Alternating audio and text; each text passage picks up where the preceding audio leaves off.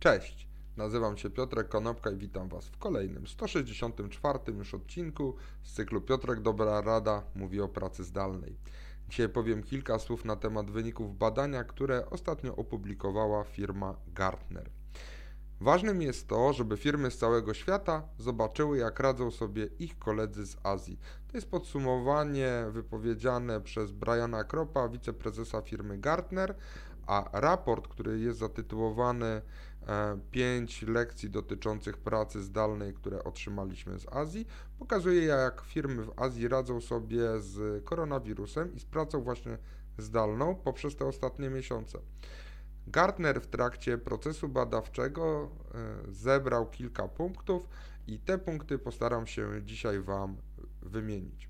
Przede wszystkim należy wskazać kierunek i być pewnym tego kierunku i równocześnie być wytrwałym w tłumaczeniu ludziom, do, w którą stronę idziemy. Przede wszystkim bycie liderem to jest podejmowanie działań, nadawanie kierunku. Ludzie jako pracownicy, patrzący na liderów, na tych liderach polegają i na planie, y, na pierwszym planie każdej komunikacji skierowanej od kadry zarządzającej do pracowników, postawcie na pierwszym planie zdrowie pracowników i ciągłość biznesu. Rozmawiajcie regularnie z tymi e, swoimi pracownikami. W badaniu natomiast wyszło, że 56% firm ma wdrożone plany komunikacyjne do pracowników, jeżeli sytuacja na rynku pracy, na rynku biznesu i w ogóle w służbie zdrowia się pogorszy. Po drugie, należy osadzić wirusa w kontekście Waszych firm. Twoja kadra zarządzająca powinna być zaufanym źródłem wiedzy o koronawirusie. Tym, jak ten koronawirus i cała sytuacja pandemiczna wpływa na Waszą firmę.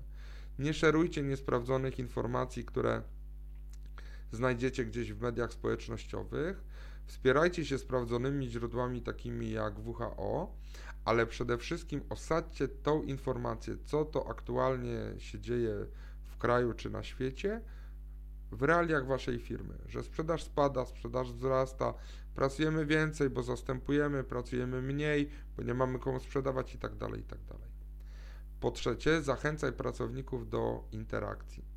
Przypominaj i zalecaj częste kontakty, zarówno zawodowe, jak i pozazawodowe, nawet jeżeli są wirtualne. Badanie pokazuje, że 40% firm w Azji wdrożyło dodatkowe wirtualne spotkania e, menedżerów ze swoimi pracownikami, a 32% firm w ogóle wdrożyło nowe, dodatkowe e, rozwiązania pomagające właśnie w tych wirtualnych spotkaniach. Po czwarte, to o czym bardzo często mówię, należy wprowadzić zasady pracy w takim zespole, ponieważ praca zdalna wygląda inaczej dla każdego z nas, dla każdego pracownika, w zależności od jego potrzeb, od potrzeb jego rodziny. Firmy powinny raczej spełniać oczekiwania pracownika poprzez delegowanie odpowiedzialności na poziom zespołów do tego, aby móc samodzielnie sobie zarządzać na przykład pod względem dystrybucji czasu związanego z pracą. I jako ostatni element zapewni elastyczność. Jeżeli przygotowujecie się na przykład do tego, e, że pracownicy kiedyś wrócą do biura, pozwólcie im zdecydować, kiedy do tego biura wrócą. Czy chcą wracać dzisiaj, czy chcą wracać za rok, czy chcą w ogóle pozostać w pracy zdalnej. Ta elastyczność w pracy zdalnej jest bardzo ważna.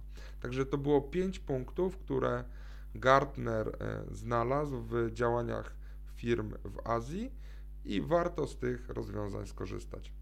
Dzięki serdeczne, do zobaczenia i usłyszenia jutro. Na razie.